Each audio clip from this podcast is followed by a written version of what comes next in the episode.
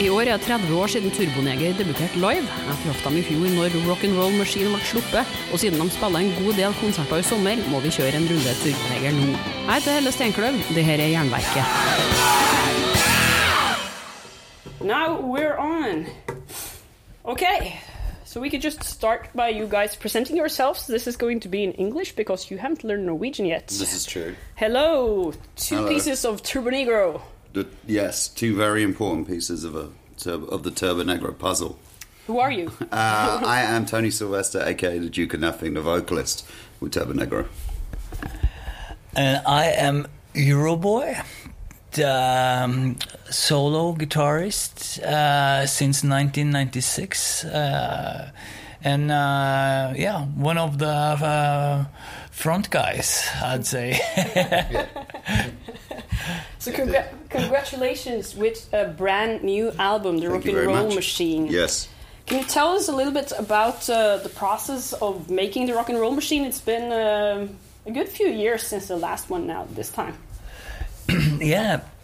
Um, it's been uh, it's it's been a process, yeah. It's, uh, and and the, I don't think we started out with a plan of making another album, because since like since the last time we put out a record in 2012, uh, you had streaming services like really breaking through, and you've been talking about the death of the album, and uh, we thought about only releasing singles, and. Um, and then um, but but we kept on writing songs and we recorded demos and uh, we had a great creative uh, period in the band uh, and then we uh, saw 2018 approaching and that was going to be the 20th anniversary for apocalypse dudes which is our famous classic 90s album and uh, we thought about different ways of uh, making something special out of that anniversary. Uh, but but somehow we just came to the conclusion that there's been so many like reunions these days, so many anniversaries. It's it's kind of uh, you've grown a little tired of it, the whole thing. So we thought maybe we should just um, celebrate ourselves and our fans by releasing some new stuff. and uh, we looked at the material we had at hand, and, and we saw that uh, this is actually some pretty good material. And, and, and although there are very different songs, they fit together as a whole. So um, yeah, and so saw uh, if if if we try to make this uh, a proper album, then uh, it will fit perfectly with the uh, with the, the 20th anniversary date of the Apocalypse Dude's original release. So um, that's the story. And you also added uh, a lot of synthesizers on this album uh, compared to some of the other albums. Why? Why was this? Why did you want to add, add this sawtooth with all the other cool Turbo Negro stuff? Well, there are um, a couple of reasons for that. Um, uh, for, for one thing, we, we at one point we just thought about what can we do to our show to, to make it just slightly different. we we kept on playing shows uh, and touring, and, um, uh, we thought about maybe getting an extra guy in uh, could make a little difference. So we we knew this guy Håkon Marius, who's an ex- uh, an awesome guy and a, and a great great musician. Uh, uh, and the fact is, Turbo Negro used to have a keyboard player in the past. We used to be six guys, S- and and and we just realized there are actually a lot of keyboards on the old recordings. Uh, but then we also started to discussing the, just the concept of keyboards and synthesizers in rock. Why is that a radical thought in 2018? Uh, because it hasn't always been that way. Yeah, I think that's that's really. I mean, the process of thinking about that me- meant that we wrote Hot for Nietzsche and Special Education. So once those were written, then we needed someone to play them. Yeah. So it's kind of like that's that's sort of how it happened. Mm. And I've not been in a band since we played with a keyboard player, and I missed that everything from that barrel house kind of Stooges ding ding ding ding. You know, it went through all the kind of apocalypse dude stuff. But then also like on Scandinavian Leather, the the big full orchestral sound as well.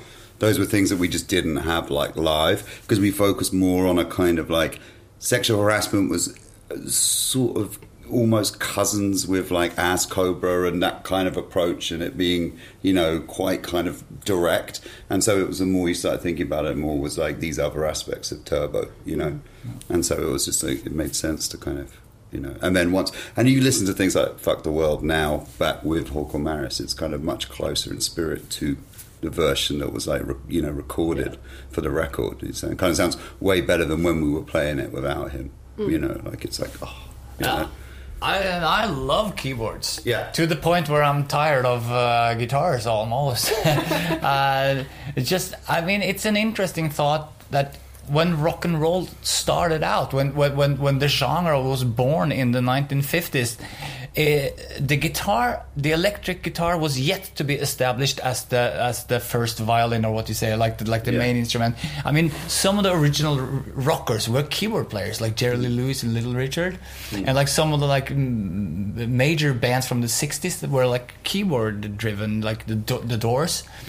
And uh, uh, we listened to a lot of old music uh, um, in the band and stuff like uh, you know Elton John. It's like piano rock, Meatloaf, uh, and and and of course the Who. That's like the perfect example of like keyboards in hard rock guitar music. Uh, but also that goes on. The Stones, the Stooges had a keyboard player. I mean, even Guns N' Roses. Listen to the intro for Paradise City. It's it's a synth solo. so uh, yeah, um, yeah, I think it was to us. It was just a very interesting thought to bring back the br- bring ebony and ivory to the party. Yeah. and it was something that we didn't think was being like uh, people didn't think it was cool you know? It's just like we were this is we listen to this kind of this when we're backstage what we're listening to is a lot of radio rock a lot of stuff from that period 70s through to like mid 80s and when you think about like early ZZ Top into like the early 80s ZZ Top like the how they managed to go from this real roots band into this really kind of you know almost synthetic sounding like just you know and kiss doing disco and you know everything. It was just like these things that started interesting us and then we started thinking about and thinking no one's doing you know why has no one thought about doing this again? Yeah. let's do it. So that's that was the kind of writing process.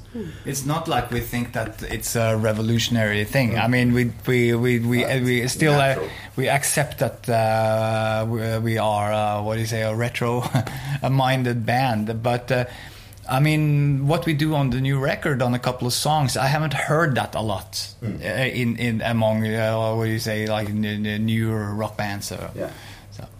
and, and it's good because it covers a lot of ground. Like HM covers a lot of ground. That record, there's like the kind of the new intro to like Hot for Nietzsche has that real kind of Elton John and like Alice Cooper kind of like feel to it. And then, but then there's like like on the rag has that kind of real like Wasp like attack synth sound that's very like late seventies, New wave. you know, kind of hmm. new wave, you know, really aggressive kind of sound on it as well. Which so it's kind of so it's not just the idea. Let's just put a synth on. It's actually kind of like what tracks would benefit from what kind of keys. Hmm. So there's everything from straight piano through to like very kind of synthesized, you know.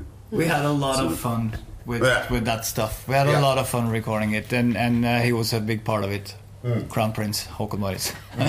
So we just have to admit that rock and roll isn't revolutionary anymore, but you still can provoke people, especially now with all this political correctness. You were almost uh, thrown back to the, the 50s and the 60s with people getting crazed about the lyrics. And now the lyrics of Turbo Negro is probably more, uh, what's it called, heart uh, pounding than in years for the audience because everyone are so afraid of provoking some someone. How how does this all work out for you now? Well, that's a good uh, question. Uh, I, I've spent a lot of time thinking about that. Uh, I, I I grew up with uh, a sense of uh, generational conflict among among um, my generation and our parents. I'd, um, uh, and and I lived in a period in the 80s and the 90s where music was a very important way of um, of having an identity, and I, I'd also say it was to a large extent a rebellious, still a rebellious force. Uh, I mean, Turbo Negro was a pretty radical band in, in, in the early '90s, and and Tony and and some of us has ties to like hardcore and punk bands and stuff like that. I'd say that uh, at some point, maybe Kurt Cobain's suicide or something. Uh, there's just there's just a uh, switch in time, and and from from then on, I I don't consider rock music or the idea of like uh, like young and free spirited minded people being a rebellious force in society anymore because uh, they became the hmm. society the, what was once a counterculture became the culture hmm. so uh, so it's a it's a it's a uh, it's a different day and age we live in now hmm. Yeah. But can you remember, as none of you have been in Turbo Negro since the beginning, can you remember the first time you heard them? and- Absolutely. And, what it made you feel? Well, it was. I was working already, like in independent music, so I was kind of. Uh, I was working distribution, the kind of nuts and bolts end of it, and so we were at the time. This is like eight. This is no 96, 95, 96, 97. So the records that were coming out were very, very from our end, brown packaged, very wordy, very intellectual. It was like the beginning of the kind of post rock period. So everything was everything was very kind of you know thought out, and at the same time we had like we were saying that the kind of like grunge and the kind of authenticity in music was really the thing. So this record came in, which was just was a promo sent in, which was Ass Cobra with just this parody cover of Pet Sounds with these characters on it, and it was just like like what the hell is this? Because it was just so counter to everything else. So it felt for me it was like a real reset button because it was kind of like taking back to a lot of things that you know I liked when I was younger and also when it was it, was you know just very kind of you know it was it was very puerile and it was obviously very simplistic but done in a but also done in a clearly very smart way by people who knew what they were doing. It wasn't like done by wasn't being made by idiots. So it was kind it was like it was a real like ah, this is incredibly fucking refreshing. But that but that's Asco but, but then I didn't see the band until Apocalypse Dudes. And I hadn't actually heard Apocalypse Dudes when I saw the band. So again it was now it switched up again was now very sophisticated and very kind of you, you know a, a much more much less punk rock and much more kind of like classic rock almost. So it was just kind of like so it was a so I got my you know everything got sort of changed again. I was like oh even better you know. So then and then I heard Apocalypse Dudes. So that was definitely the first time I heard I heard them. And I was a fan from then you know. You ended up being the Turbo Jugend boss, so was uh, well, whole well, yeah, but it was funny because because yeah, Turbo Jugend at the time was very much like the band weren't around anymore, so it was much more a kind of like fun, like a nod to other people, like oh, you like the same things I do if you like this, you know. It was so it was kind of you know it, it was definitely a fun thing. But then through that met the band, then through then started working with the band, doing the PR, and then somehow ended up hmm. singing in the band. so it's probably the strangest journey in like rock history in that sense because it's kind of like I don't think there's anyone who were like I was the accountant for the band and then I ended up the singer. Like it's a fairly it's a fairly unique story. It's, it's like the movie Rockstar with It, Mark it is Wahlberg. if if it was much more like about someone you know if, if it was much more um, sort of realistic. Yeah, I guess so. Totally. what about you, Knut? Uh, you came in in '96, but uh, the band was already like seven years old at that time. Yeah, um, I am. At the time when I joined, I, I was a, I was a friend of the band, and and uh, we um, uh, we went to university together, uh, and uh, I was. I had some connections to the band. I, I was a roadie for them at uh, Kvart Festival in 1994, and then uh, me and uh, Happy Tom we had uh, also had a band called the Vikings, which was like a transitional band between punk rock turbo and like classic rock turbo. But uh, I, I remember the first time I ever heard Turbo Negro. Uh, it was uh, in uh, uh, when I was in ninth grade, nine klasse, and uh, they had just put out their first single, which was called Route Zero, and um, a couple of friends in, in in class had actually ordered mail ordered the single, and and then they got it in the mail the day after. Uh, uh, so they went to uh, the post office uh, uh, in lunch break at school, uh, and and then we went home to, to one of the guys to listen to it. Uh, and uh, we listened to uh, uh, both sides just once, and uh, and I remember walking home from school that day, and I had had those songs uh, in my head. It it it made a big impression. It was a bit. Uh, I, I, I was inspired, but but uh, I was also at the time I was also uh, learning guitar. I was a bit of a, I was a skilled musician compared to them. Maybe I could could I could consider myself a talent, and. Uh, uh, but there was this thing uh, about uh, they did an interview at the same time for a Norwegian uh, music paper called Puls, and uh, the interview was really strong, and and, and, and and the press release for that single was all rhetorically strong, so so you felt that this was a very like powerful uh, milieu, you know, Yeah. the, and and I, I guess that was my first meeting with the, the spirit of Thomas Seltzer. so um, so not even I mean I liked the music. Um, it wasn't as great as the Stooges or MC5, which they were aspiring to, but uh, there was no doubt that this was the, the coolest guys in town.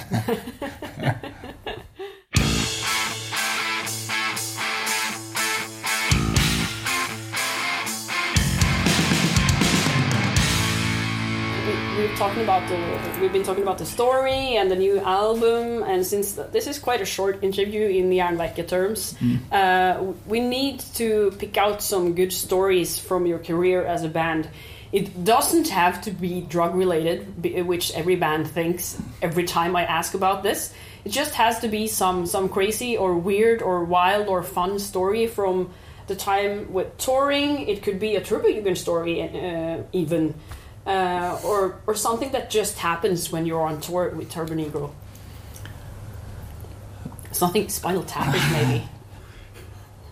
that's uh, that's always a hard question because the, the really good stories are the ones that you can't tell. Yeah. Uh, or that, true. that you wouldn't understand. no, uh, how um, how's it been for you, Tony? Is, is there anything? No, Okay, my problem is when we go on tour, I don't drink because obviously I've got a show the next day. So I kind of save these things up. So every day I hear the war stories from them coming back in the morning, like everyone who's out all night and everyone who's like that. And I sit there and I hear these things. And so I'm getting ready for the last day of tour, like, I can't It's going to be so good. It's been so Babylonian so far. Like so and so never made it back to the hotel. You know, we had to go and find that one. Da, da, da. And it's and I should point out, it's the crew. It's not the band members at this stage. We should definitely say this. Anyway, come to the last day and I'm ready to go, and everyone is dead. Everyone's just like, oh been really like it's been a bit much. So I'm always just like, ah, like on the last day, and it's always like really anticlimactic for me because I'm never. There was, I tell you what, recording sexual harassment. There was some pretty good stories. Uh, Again, I wasn't party to because because they because we were in they were in New York, and of course the band had only just got back together, so there was a real kind of sense of like excitement, and the basic tracking was done first two three days, Yeah. and then we were in the studio for three weeks. We were mainly doing vocals and my overdubs and stuff. So that was that was a pretty good time. Yeah, I, I I'm, I'm getting, I'm, uh, I've become so old that my stories are, are not necessarily like rock stories. It's more like sweet stories, where, where I where, where I remember myself as a younger man, and I feel sorry for that person, you know. Yeah. And uh, I just remember um, when uh, uh, when we when me and Happy Tom went to Stockholm to mix the Scandinavian Leather album. Uh, we had been recording that album in, in our own studio at Grünerløkka in Oslo in, in, in the late fall and the winter and over the Christmas vacation. And then we were set to go to Stockholm to mix with uh, like a hotshot heavy metal producer called Joe Barresi. Um, and uh, we had a really early flight that morning. I remember But the thing was, the only thing we needed to to record uh, for, for uh, left to record for the album was the intro, uh, and we had uh, basically one day to do it. uh, so we planned it. So we just called a bunch of friends uh, to come to the studio to have like a studio party to make the intro. We had a, a couple of guys from that band. We I don't know if you remember the, that that band and and uh, uh, Amulet Torgny Amdam. So uh, uh, and there was like uh, friends of friends come by. So the studio was like full of people, and and this was just before uh, the røykeloven, the smoke law in Norway. So it was uh, legitimate to just like everybody was smoking inside, and uh, and this this party went on for like 24 hours. Uh, I, I remember me and Tom, Happy Tom. We went. We just like we we we wiped off the, the, the, the tape from from from the tape uh, recorder and put a um, and then went straight to the airport. And the thing was, this was before digital, so all the music was on two-inch, twenty-four-track tapes, which are really heavy, and there was a bunch of them. So we had stacked them in a really heavy flight case and uh, uh, we came to Stockholm early in the morning, and it was fucking cold. It was. Uh, I mean, I don't know if you've been to Stockholm in the winter, but it can be super cold. Not like Oslo. It's more like being in Russia or something. And we came to that studio, a Polar studio, the old ABBA studio, and. Uh, there was no one there because it was so early in the morning. It was still dark. It was like seven or eight o'clock in the morning, and we had this huge flight case with all the tapes, and it was so cold. So we were just basically walking back and forth on a bridge over the canal in the early morning, waiting, waiting for somebody to appear in the studio, and then finally, like ten or eleven o'clock, uh, somebody came and locked us in, and then we opened this flight case, and uh, it just smelled like a bonfire because of all the uh, there's been so much cigarette smoking Oh, in the studio. So like all, all the swedish guys are like laughing. What have you guys been doing? It's just like somebody somebody's just lit up a cigarette. Oh.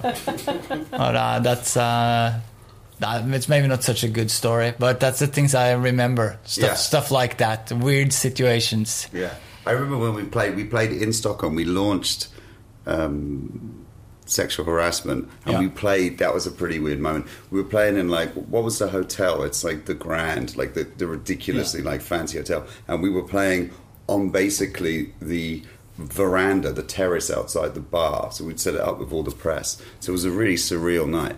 And one of the crowning moments of recording sexual harassment is we got Benmont Tench from Tom Petty and the Heartbreakers to play piano on it because he was friends with the producer, friends with Matt Sweeney. So we're playing, and of course, we, and we're playing like with the harbour here, you know, downtown Stockholm. And we look down, and Benmont Tench is just like there, kind of looking up, like staying in this hotel. Why is there a fucking band playing on the terrace? Like, why is it annoying me? And then, and then looks down and realizes, recognize him. So there's this moment of, oh hi, how are you? Great, and we just kind of stop playing and just start talking to them. That's a pretty good one.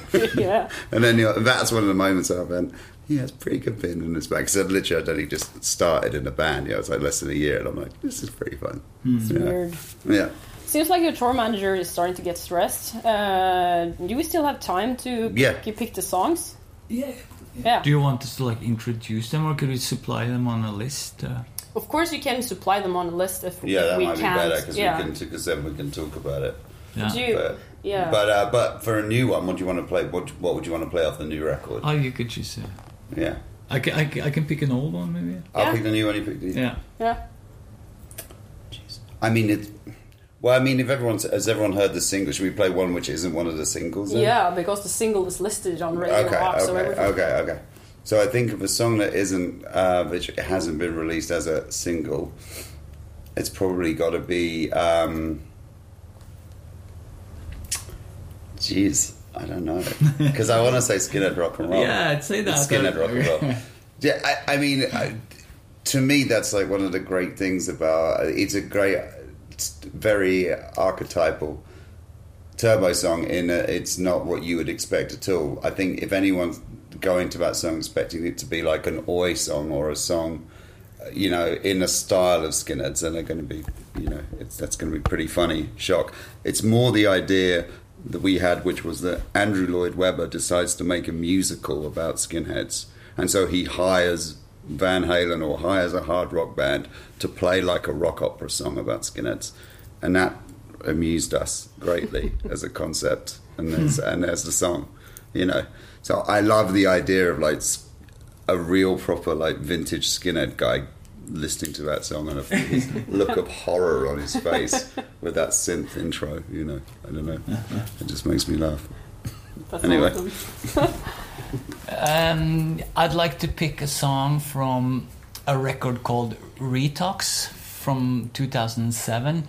Uh, to me, that record is uh, it's a bit special. It's a bit of a weird record because half of it is kind of ambitious, and you really you hear that we are trying to make proper music, and then the rest of it is kind of like fucking it up. It's like we uh, we're not gonna make it anyway, so just let's let's say that we don't give a fuck or something.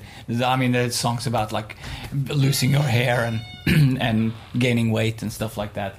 So um, there's uh, but there's one song on that album that um uh, that I really like. It's called "Boys from Nowhere."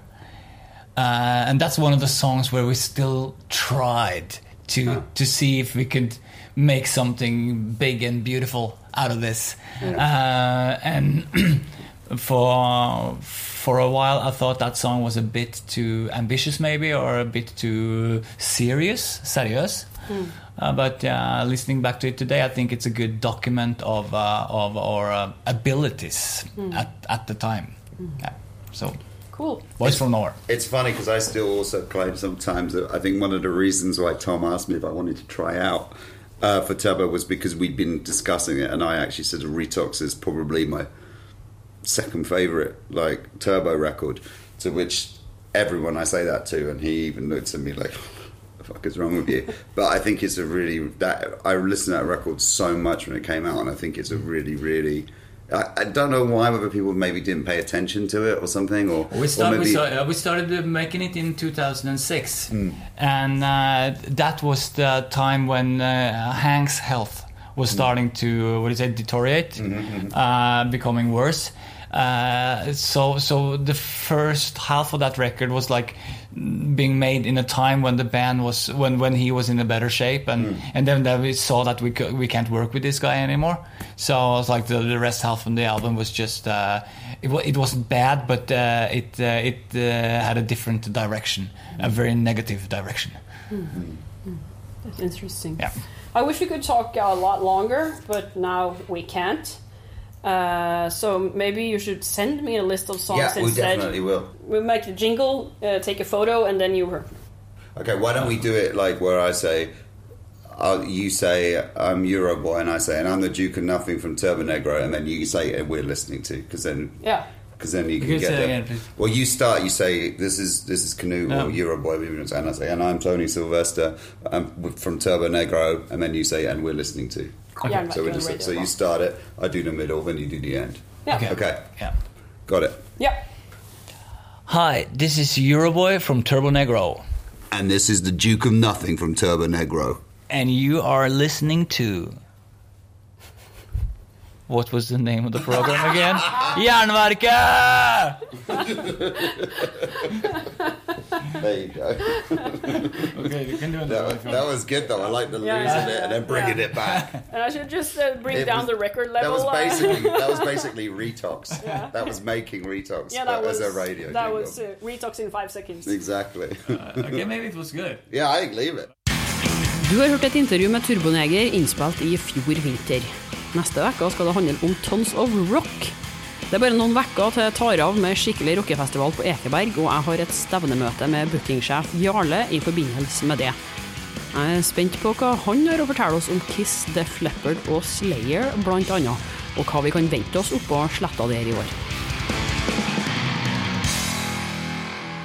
Abonner på Jernverket podkast via podkastapp, eller gå inn på jernverket.kom. Kjempefint om du legger igjen ei god anmeldelse, for da går podkasten opp på listene, og det gjør òg at jeg kan fortsette å lage podkasten.